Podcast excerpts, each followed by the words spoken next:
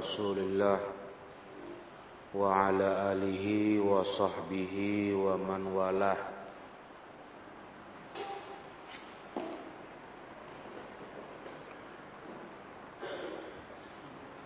Kita sudah selesai dari alamatu ahli bidah.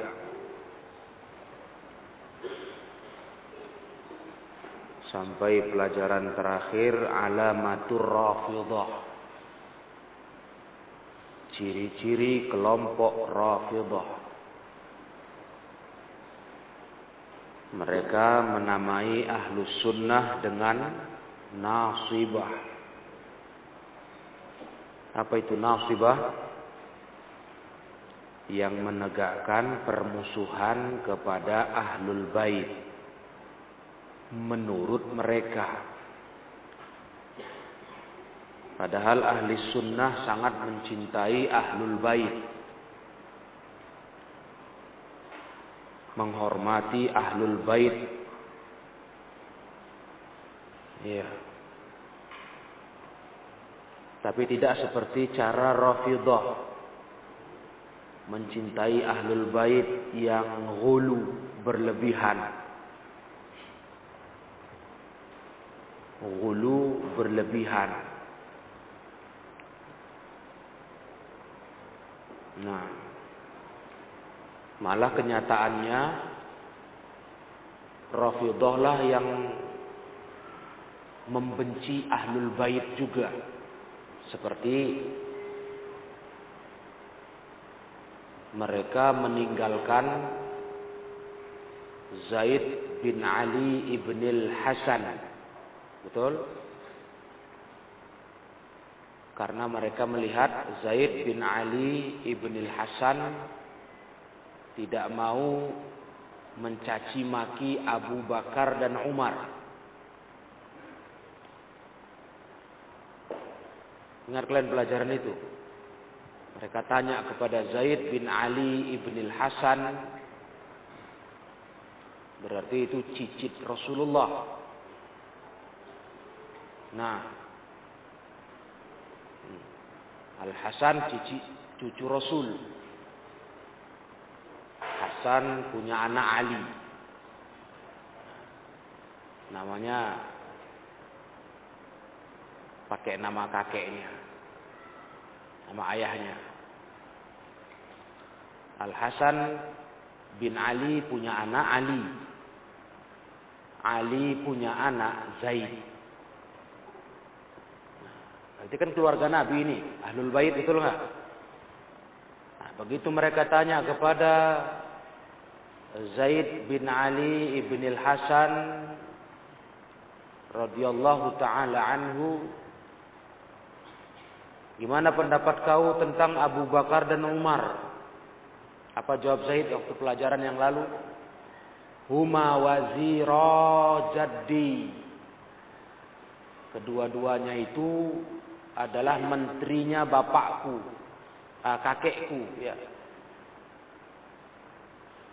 Menteri, ibaratnya menteri kalau kita, wazir, pendamping lah, kawan dekat.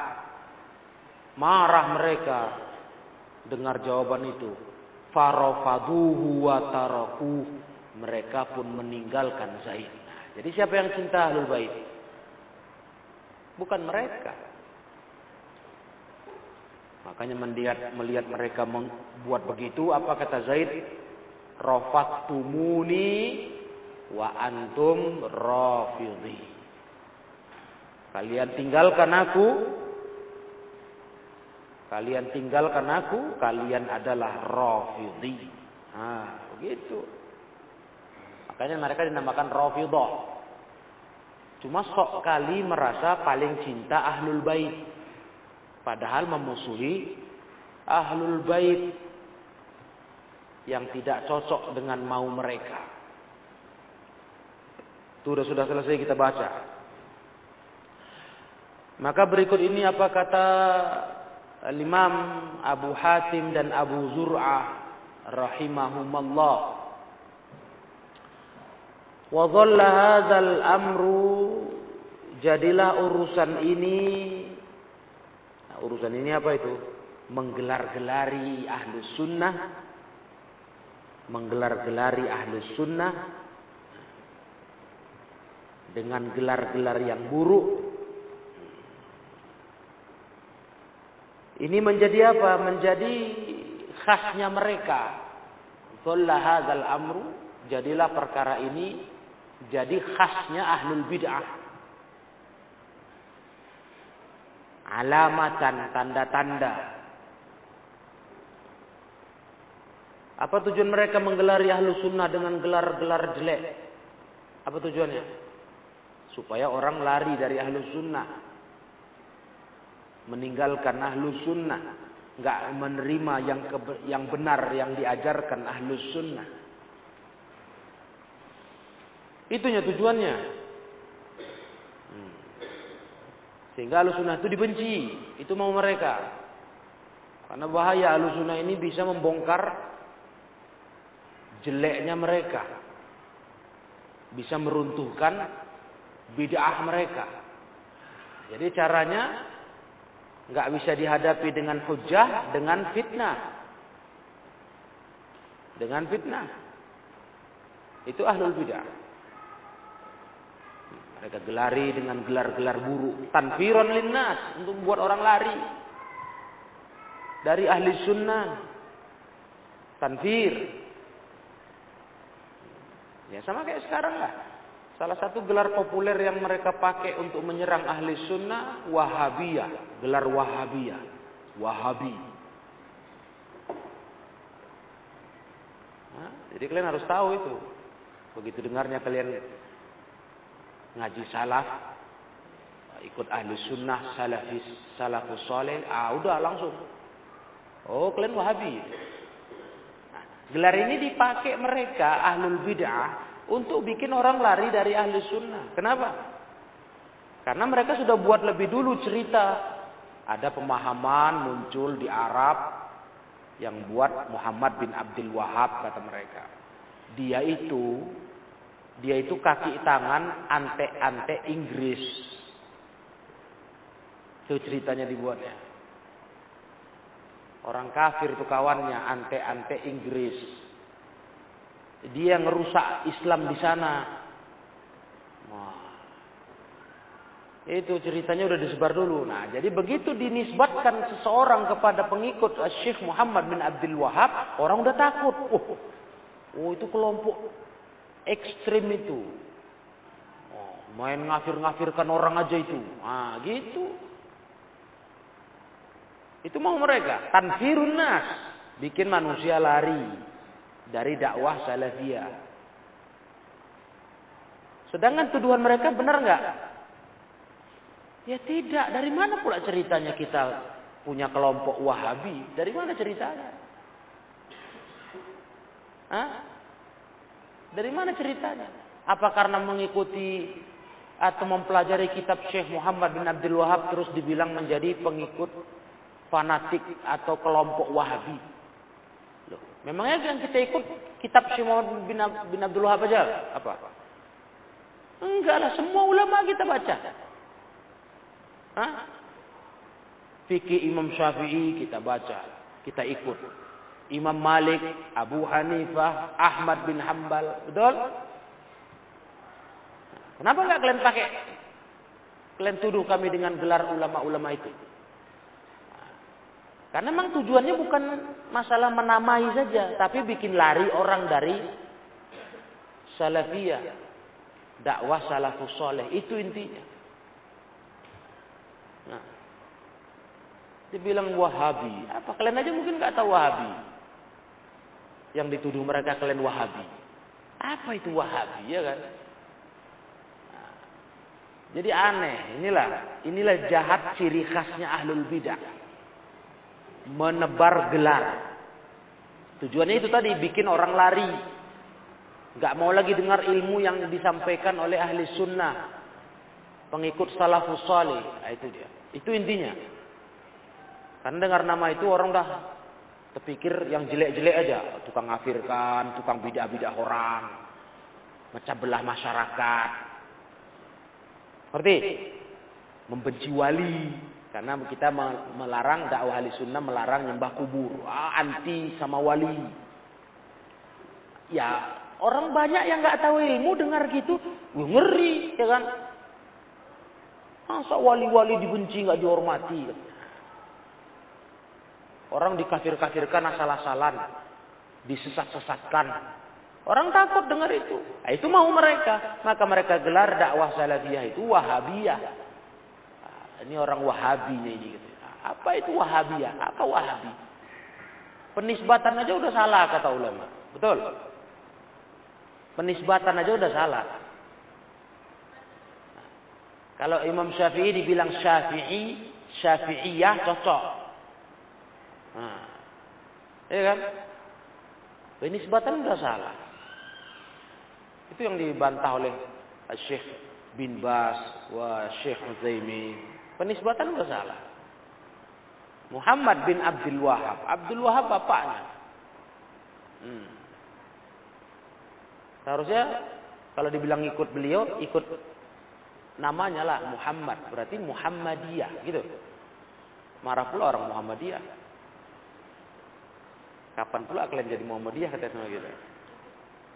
Namanya Muhammad bin Abdul Wahab. Nah, Jaham bin Sofwan. Jaham bin Sofwan siapa kelompoknya? Jahmiyah, enggak Sofwania. Enggak kan? Ja'ad bin Dirham, Ja'diyah. Kan begitu. Cuma enggak enggak urusan itu. Pokoknya macam mana kami buat orang takut benci sama kalian. Macam-macam lah sekarang fitnahnya ke ahli sunnah. Paling populer itu hari ini. Wahabi. Dibilang kalau ngaji salafi ini wahabi.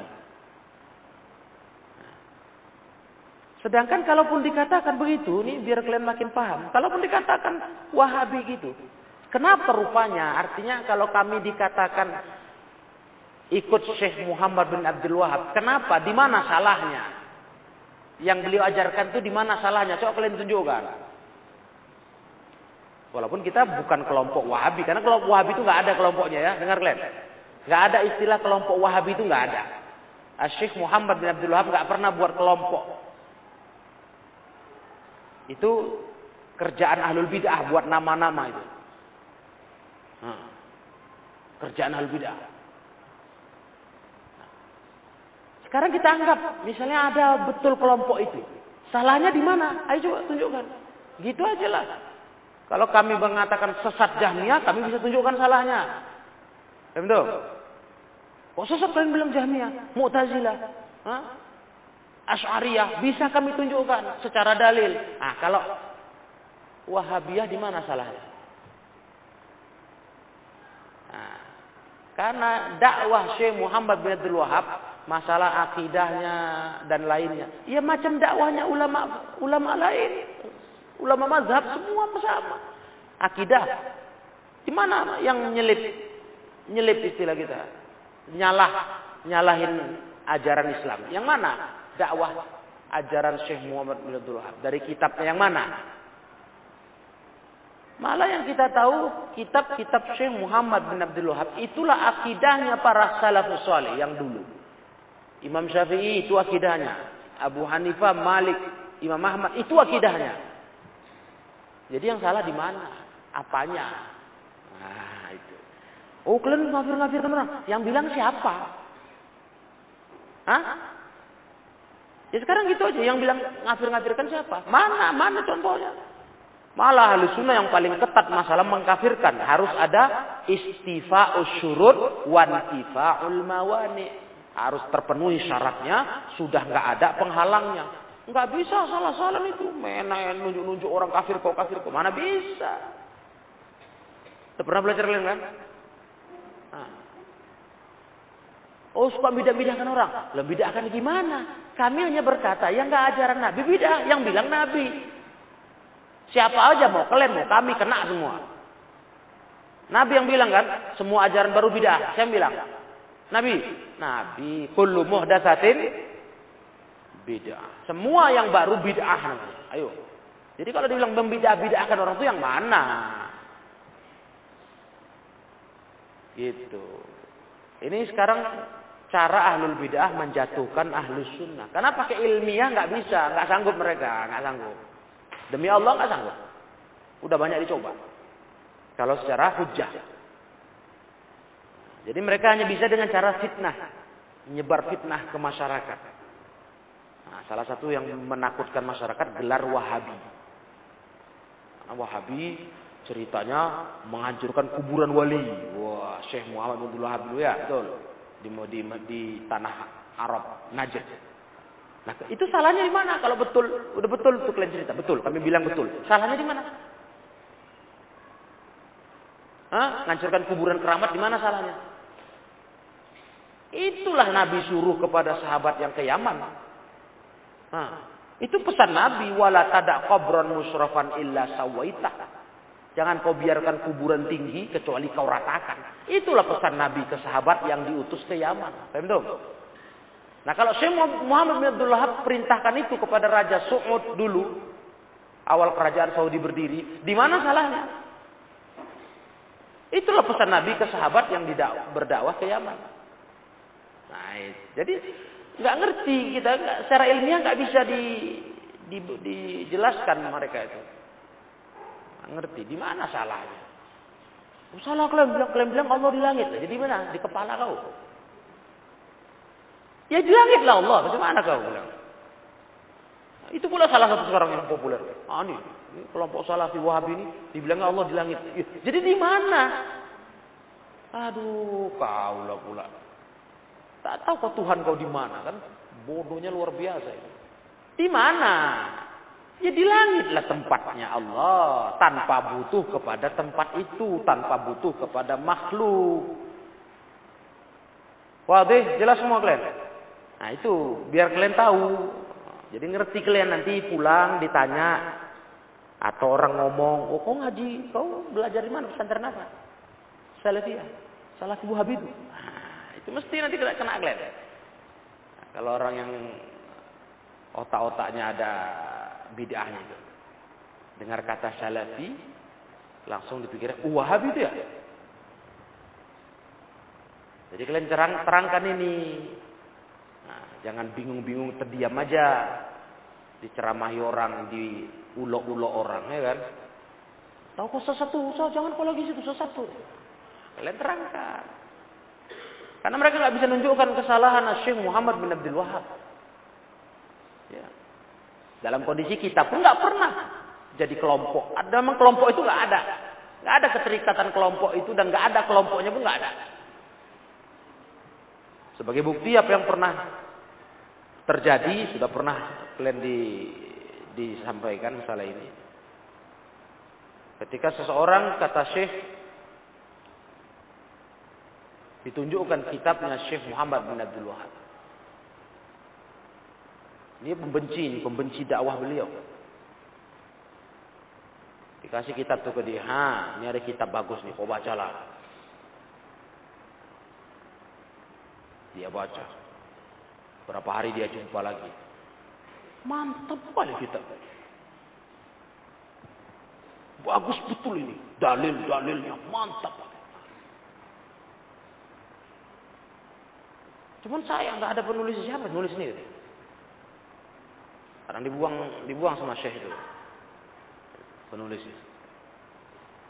Oh, yang nulis itu namanya Muhammad bin Abdullah. Waduh, ini kitab sesat ini. Coba nggak ada otaknya kan? Udah tahu dia bagus isinya sudah. Bantop, memang dalil isinya. Contohnya kitab Usul Salah Saklir. Itu kitab ringkasnya Syekh Muhammad Abdullah. Kecil. Tengok dalil-dalilnya Masya Allah. Yang bilang salah, di mana salahnya coba tunjukkan. Siapa yang bisa tunjukkan? Di mana salahnya? Kitab itu. Kitab usul salah sahaja. Nggak usah berat-berat lah. Nggak usah kita tauhid tebal kali. Meleleh pembacanya bilang. Nggak tamat-tamat kau bilang. Ah itu yang tipis tuh jalan. Kasus subhat lebih tipis lagi. Di mana salahnya? Nggak bisa jelaskan. Malah dia muji-muji. Cuma begitu tahu dia penulisnya, langsung mukanya berubah. Ini sesat kitab salah ya kan nggak nyambung itu. Nggak jelas kan? Nah, nggak jelas. Hanya karena penulisnya beliau. Nah, ini yang ada di masyarakat kita. Makanya ahli sunnah itu nggak pernah takut mengajarkan dakwah salah, nggak pernah takut. Karena kita punya hujah. Hmm. Kalau ceritanya mau main hujah-hujahan, ahli sunnah lah yang paling jago. Tapi kalau main gaya preman ya supaya lah ya kan. Nah, gaya preman namanya. Pokoknya kami nggak suka, nah, itu payah lah itu. Nah, cuman sunnah pun nggak takut. Iya, nggak suka kau, aku pun nggak suka sama kau. Mau apa kau? Kok cerita nggak suka nggak sukaan aja cuman. Kalau cerita hujah sini kita duduk sini. Kasih, kasih tahu kami ini kitab salahnya di mana. Terangkan secara ilmiah. Nggak sanggup, nggak sanggup itu. Kalau yang awamnya jelas nggak sanggup karena nggak bisa baca kitab. Ustadznya pun nggak nggak mau dia, walaupun dia bisa baca, dia nggak mau ngurus ilmiahnya karena dia nggak mampu membantahnya. Makanya mereka hanya punya jurus apa? Fitnah tadi. Mereka langsung bilang aja, ini pokoknya kitab ini salah, jangan baca. Udah itu aja. Nggak ada cerita salahnya ini, salahnya nggak nggak sanggup dia. Pokoknya jangan ya, ini kitab bahaya ini. Nah, fitnah. Itulah bisa mereka.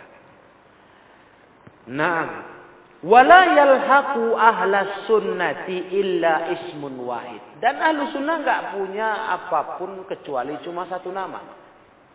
Lahiko yalhaku itu kan asal katanya menempel, bertemu. Artinya nggak ada yang cocok dengan ahlu sunnah kecuali cuma satu nama. Gelar-gelar itu semua bohong itu, nggak ada yang cocok itu. Cuma satu nama, yaitu apa? Ahlu sunnah wal jamaah. Itu yang betul. Ahlu sunnah wal jamaah. Lain nggak ada gelar-gelar yang dibuat-buat ahli bidah itu semua bohong fitnah saja. Musabbihah dibilang orang Jahmiyah. Nanti Musabbihah bilang Al-Sunnah Jahmiyah pula. Yang tadi nasibah kata Rafidah. Hah? Ya kan? Pokoknya macam-macam gelar. Gak ada yang cocok itu. Ada. Al-Sunnah gak, gak kayak gitu. Itu fitnah. Cuma satu nama. Ismun wahid. Wahwa ahlu sunnah wal jamaah. Ahlu sunnah wal jamaah. Jadi sekarang ketika kalian mengatakan kami ahlu sunnah jemaah, itu pun sekarang diprotes kalian. Disalahkan. Oh enggak, ahlu sunnah cuma kami, ahlu sunnah wal jemaah, aswaja. Ringkasannya aswaja. Ahlu sunnah wal jemaah. Ya. Padahal mereka bukan ahlu sunnah wal jemaah, bukan. Tapi mereka ngomong gitu, kami aswaja dan kami punya organisasi. Yang aswaja kami, yang nggak masuk kami nggak aswaja. Suka hati kalian lah, lantak kalian lah situ. Hah? Kata orang Medan itu, lantak kau situ. Nah. Kita digelar suka-suka hati, tiba di masalah nama alusuna mau di kaplingnya sendiri, ya kan? Mau di bookingnya. Tak boleh kalian pakai nama ini. Ini kami nih, organisasi kami, aswaja. Payah. Nah, nah ketika kita bilang oh kalau gitu kami menampakkan diri sebagai pengikut salaf, salafiyah. Ah, pengikut salafus soleh. Ah, udah lain pula lagi fitnahnya, tuduhannya. Apa? Uh, jelek-jelekan lain pula lagi. Atau mungkin ya nama itu pun udah mereka mereka mereka booking juga. Ya kan? Di kalangan mereka pesantren salafiyah itu udah lebih dulu ada salafiyah syafi'iyah gitu. Nah, entah entah kayak mana lagi ngomongnya. Begitu kita katakan saya salafi dibilangnya itu organisasi sendiri, organisasi baru muncul. Kapan pula salafi organisasi? Kau ngerti nggak arti salafi? Salafi itu dari kata salaf. Salaf itu orang dulu. Ya itu ya unisbah. Ya penisbatan. Ya kan? Ya unisbah. Nah, semakin kau orang Medan. Kalau di bahasa Arab kan kau orang Medan Maidani. Iya. Gitu. Al-Maidani, kau orang Medan, yaknya ya nisbah penyandaran. Hmm. Gitu. Orang Jawa kau dari Jawa, Al-Jawi. Iya kan? Ya nisbah. Apa terus dibilang itu kelompok? Al-Maidani, kelompok Medan itu. Bodoh kalau. Kapan pula Medan punya kelompok? Medan itu satu kota besar. Kota terbesar ke ketiga di Indonesia itu Medan. Itu kota terbesar ketiga se-Indonesia. Jakarta, Surabaya, Medan. Masa Medan kelompok? Nggak ngerti itu. Dibilang salafi kelompok itu, kelompok sendiri. Sampai ada yang nanya, wawancara datang Ustadz, jadi di mana pusatnya ini? Dewan pimpinan pusat di mana? Wah, pusat kok di perut lah. Masa Dewan pimpinan pusat? Jadi di sini cabang, pimpinan wilayah, DPW, ngawur aja. Ditanyanya itu, wawancara dia mau buat skripsi tentang salafiyah di kota Medan. Ditanya, di mana pusat-pusatnya? Siapa ketua besarnya? La ilaha illallah. Ketua besarnya Rasulullah. Kau ini. Nah, begitulah bodohnya mereka. Maklum aja, dia nggak ngerti. Dia kira ini kayak satu organisasi. Kelompok, ada ada ikatan besar. Tidak ada. Nah, ini harus kalian ngerti lah, harus paham lah kalian, kalian lah yang harus paham orang kalian berada di sini. Nah, di jalan ini kalian tegak. Jadi harus paham jelaskannya. Bukan Pak, bu, bukan itu bukan kelompok. Itu menisbatkan diri kepada generasi salaf, salafus soleh. Jadi kami punya tekad beragama tuh ikut salaf, ikut orang dulu, sahabat, tabiin, tabiut, tabiin, memahami Quran Sunnah pakai paham mereka. Nah, jadi dinisbatkanlah dengan ya unisbah salafi itu. Bukan ada kelompoknya, bukan ada organisasinya. Nah, siapa pun sedunia ini kalau mau dia kembali kepada salafus soleh, dia salafi, ya kan? Kayak orang Medan. Benci dia nama Maidani. Ya mau nggak mau namanya kau anak Medan, kau Maidani lah. Namanya kau orang Medan. Gak suka aku. Deh. Mungkin pada berantem dia sama Ustadz ada Maidaninya. Pokoknya aku benci istilah Maidani. Lah kau orang Medan kau ya Maidani juga. Macam mana mau kau ganti pula kau jadi Am Amriki? Eh? Mimpi kau. Sok kali tentang Amerika itu hebat mau ganti pula dia. Hah? Bulan bin Bulan Al Amriki. Eh mimpi kau. Kau orang Amerika baru cocok Amriki. Ya. Lah Medan ya Medani lah. Kau mau benci kayak mana pun. Namanya kau anak Medan ya Medani. Ah gitu. Jadi kalau mau kembali ke salah, kembali ke paham sahabat, tabiin, tabiin, tabiin, ya kau salafi. Pengikut salah, begitu. Nah, dan harus kembali ke situ beragama. Kalau nggak sesat kita. Paham kalian semua? Nah. Kenapa dinamakan ahlu sunnah? Nah, karena mereka kata ulama, mereka beramal dengan sunnah. Nah itu intinya. Jangan sok ngaku-ngaku ahlu sunnah, tapi amalan sunnah tinggal. Makanya kita nggak peduli masalah penamaan dalam arti uh, sok ngaku-ngaku. Pokoknya kita buktikan aja lah udah. Kami ahli sunnah. Kami mau coba membuktikan dengan amalan kami. Nah, amalan sunnah. Kami hidupkan sunnah Nabi. Yang gak sunnah kami tinggalkan. Itulah ahlu sunnah. Nah.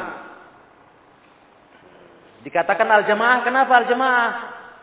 Karena mereka bersatu di atas al-haq. Karena al-jamaah itu sebagaimana kata sahabat Ibnu Mas'ud, mawafaqal haq. Mencocoki kebenaran. Nah, berarti al-jamaah itu begitu, bukan al-jamaah dalam arti bahasa, yaitu kumpul orang rame, tiga lebih kan jamaah kan? Jamaah kan? Bukan itu maknanya. Bukan berarti al-jamaah itu kami punya kumpulan rame, organisasi rame, bukan itu. Tapi kalimat al-jamaah itu mencocoki kebenaran.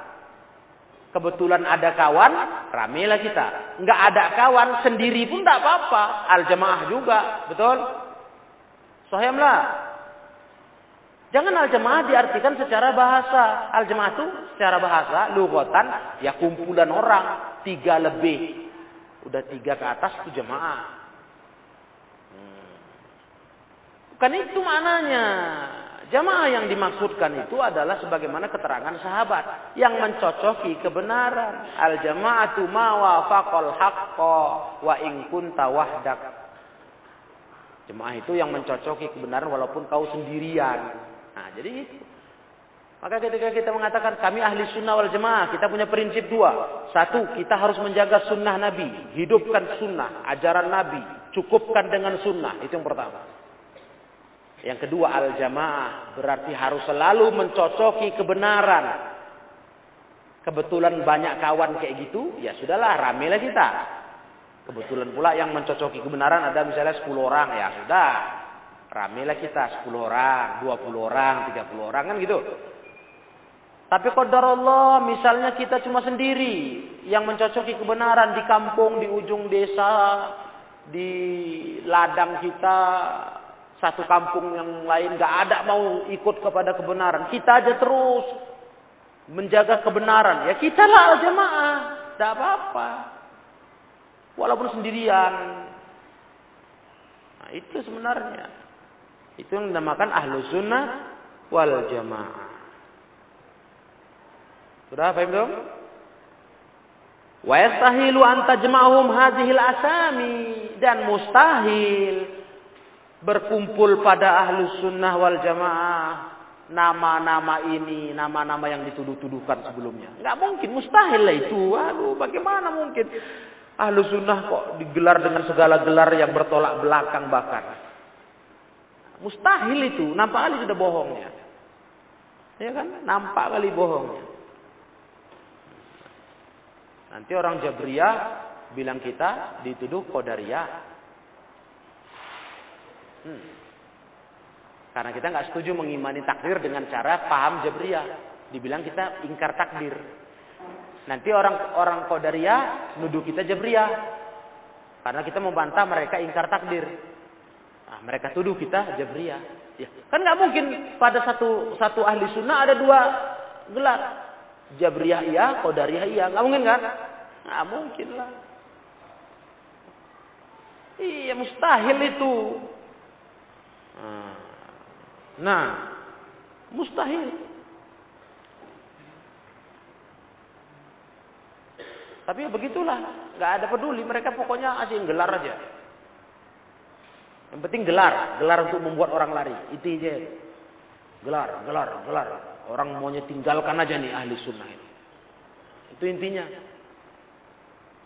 Nah, inilah pentingnya kalian tahu ilmu supaya nanti menghadapi manusia-manusia di lapangan di luar sana kalian punya pegangan. Tidak bingung. Udah ngerti, oh biasa. Ahli sunnah itu berarti udah terbiasa digelar-gelar. Di fitnah-fitnah, dituduh-tuduh itu sudah biasa. Itu nggak mengejutkan. Ah, udah tenang aja lah, biasa. Yang pasti bagi kita kita bukan seperti itu. Ya kan? Bukan seperti itu. Bukan maknanya kita nggak mau dikritik. Nggak pedulinya kita dengan gelar-gelar mereka, bukan maknanya kita nggak mau dikritik. Kalau mereka menggelari kita benar adanya, nah kita koreksi diri. Misalnya umpama, misalnya ini, betul kita punya salah, tukang ngafirkan orang. Betul. Terus mereka gelari kita apa? Takfiri. Kelompok takfiri. Apa arti takfiri? Tukang ngafirkan orang. Ah ternyata betul gelar mereka ke kita. Ya kita koreksi diri. Oh, salahnya aku ini suka ngafirkan orang. Kan gitu. Nah, kita berubah. Tapi kalau nggak ada kita kayak gitu, bagaimana mau berubah? Apa mau kita rubah ya kan? Takfiri kalian. Apanya yang takfiri? Mana yang kami buat mengkafirkan orang asal-asalan? Mana? Nah, kalaupun kami mengajarkan hukum-hukum Islam secara bimbingan ulama, ini buat ini kafir, buat ini kafir, buat ini kafir, ini batalkan Islam, ini batalkan Islam. Itu hukum umum. Iya. Hukum umum itu begitu menghukum secara, secara agama, dalilnya begitu. Nah, cuma nanti mau tunjuk hidung, apa namanya? Takyin, nah, tunjuk hidung, nah itu enggak kami enggak sembarangan. Itu perlu syarat-syarat ketat.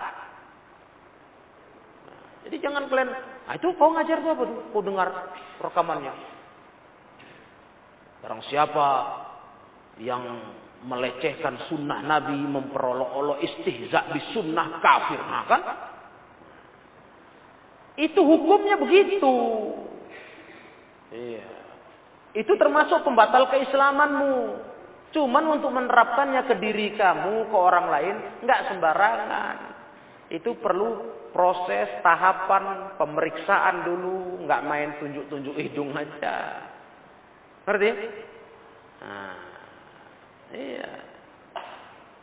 Nggak bisa itu. Sama kayak ada contoh anak kalian biar paham. Dalam misalnya kedokteran.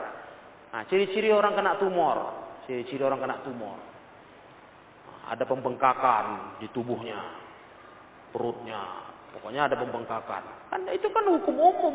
Gak mungkin dokter tiap orang datang berobat bengkak, tumor kau. Ini obat tumor, nggak ada, diperiksa dulu kan. Ngerti kalian? Rupanya kena tawon. Bagaimana tumor dikasih obat tumor orang kena entuk tawon, bengkak. Rupanya cacingan perutnya besar. Dibilang tumor, nggak bisa lah. Itu kan hukum umum. Ah, ciri-cirinya begini. Ada bengkak di tubuhnya itu, tumbuh daging tumor, tumbuh. Misal lehernya. Ya nggak bisa terus tiap orang datang atau jumpa di jalan bengkak, tumor kok. Bisa, kan ditanya dulu, periksa dulu, cek darah, sampel darah, cek di laboratorium. Oh iya tumor kau. Nah, baru diputuskan tumornya stadium berapa, tingkat berapa. Kan begitu. Enggak semua bengkak leher, tumor rupanya kena balok orang.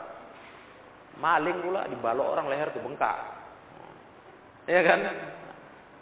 Lah iya namanya hukum umum tuh beda penerapan ke perorangan. Itu contoh biar paham kalian. Nah, itu contoh. Biar ngerti. Iya. Ada hukum umum. Ini ini ciri-ciri umum beginilah kalau orang ini. Nah. Kalau buat gini berarti dia sesat, kafir. Itu hukum umum. Ya itu kata Allah kata Rasul bukan pula kata ulama. Yang bilang Allah. Ya kan? Bahkan kita udah belajar contoh-contohnya. Misalnya, "Wa man lam yahkum bima anzalallahu fa ulaika humul kafirun." Ya kan? Ayat, nggak berhukum dengan hukum Allah kafir. Ya, macam mana terjemahannya? Ya, itulah terjemahannya. Cuman nggak semua orang berhukum dengan hukum selain Allah dikafir-kafirkan, ditengok kasusnya, ditengok rinciannya dan seterusnya. Paham Nah, itu. Jadi gitulah memang kondisi hidup ini ya. Rasulullah pun memang dari dulu digelar-gelarnya, biasanya itu. Kalian gak usah kecil hati. Kalau cerita digelar diejek orang, Rasul lebih duluan. Rasul lebih duluan digelar tukang sihir, orang gila, tukang syair. Dibilang gila, tukang sihir, tukang syair, pembohong. Biasa itu. Nah, jadi kita jangan kecil hati, jangan cengeng, jangan melempem kayak kerupuk kena air. Iya. Jangan begitu hidup ini ya. Kalau di atas kebenaran itu tegar. Ngotot. Keras kepala kau. Iya, kalau aku benar aku begitu bilang. Nah, kau keras kepala, mau apa? Nah, kalau benar, kami nggak mau mundur kalau benar, karena kebenaran itu yang paling kami junjung tinggi dari segala sesuatunya. Kelas? Nah, jadi inilah penyempurna dari pelajaran kita tentang masalah gelar-gelar dari ahlul bidah ke ahlus sunnah. Selesai sudah masalah gelar-gelar itu. Jadi kelanjutannya nanti pelajaran kita itu masalah sikap ke ahlul bid'ahnya. Nah, itu pelajaran baru. Nanti nantilah kita belajar lagi. Sikap ke ahlul bid'ah. Ada sikap yang diajarkan terhadap ahlul bid'ah yang harus kalian tahu. Tapi sikap ini harus dirinci supaya jangan salah menerapkan, salah make. Nah, karena udah banyak fitnah muncul di masyarakat ini, ya, karena salah mengamalkan ilmu ini, ilmu hajar Al hajru. Menghajar, hajar. Hajru ahlil bidah. Nah, ini ada rinciannya. Tidak bisa salah-salah aja. Kalau udah salah salah Paham jadi kacau. Ya. Nanti kita baca itu. Kalau di kitab lain ada bunyi matanya hadatsana Abu Muhammad qala wa sami'tu abi wa Aba ada. Nah, itu dia. Nanti pada pelajaran yang akan datang kita lanjutkan. Ilahuna Subhanakallahumma wa bihamdik asyhadu an la ilaha illa anta astaghfiruka wa atubu ilaik walhamdulillahi rabbil alamin.